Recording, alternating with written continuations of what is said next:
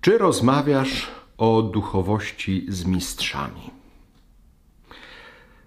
Tutaj dalej e, czerpię z listu do przyjaciela e, Ewagriusza i on mówi o tym, dzieli się.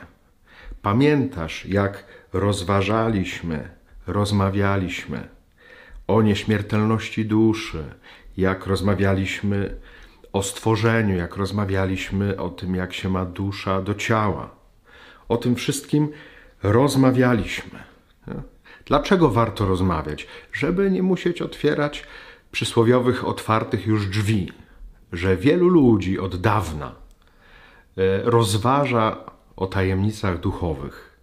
I mówię to z całą świadomością tego, że bardzo trudno znaleźć mistrza duchowego. Oczywiście pamiętamy to zdanie, nikogo nie nazywajmy mistrzem, bo jeden jest nasz mistrz Chrystus. Więc przede wszystkim Chrystus jest naszym mistrzem i do niego się uciekamy i jego pytamy.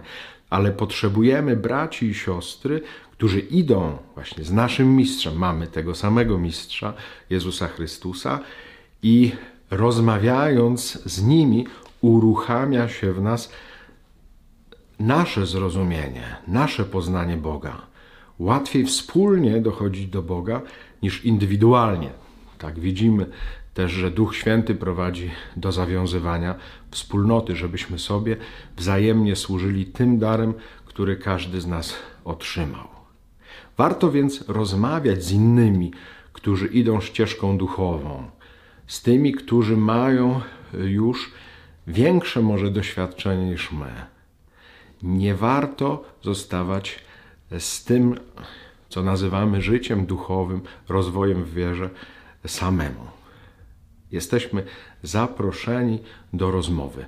Z tej rozmowy może wyniknąć dla naszej duchowości wiele dobra.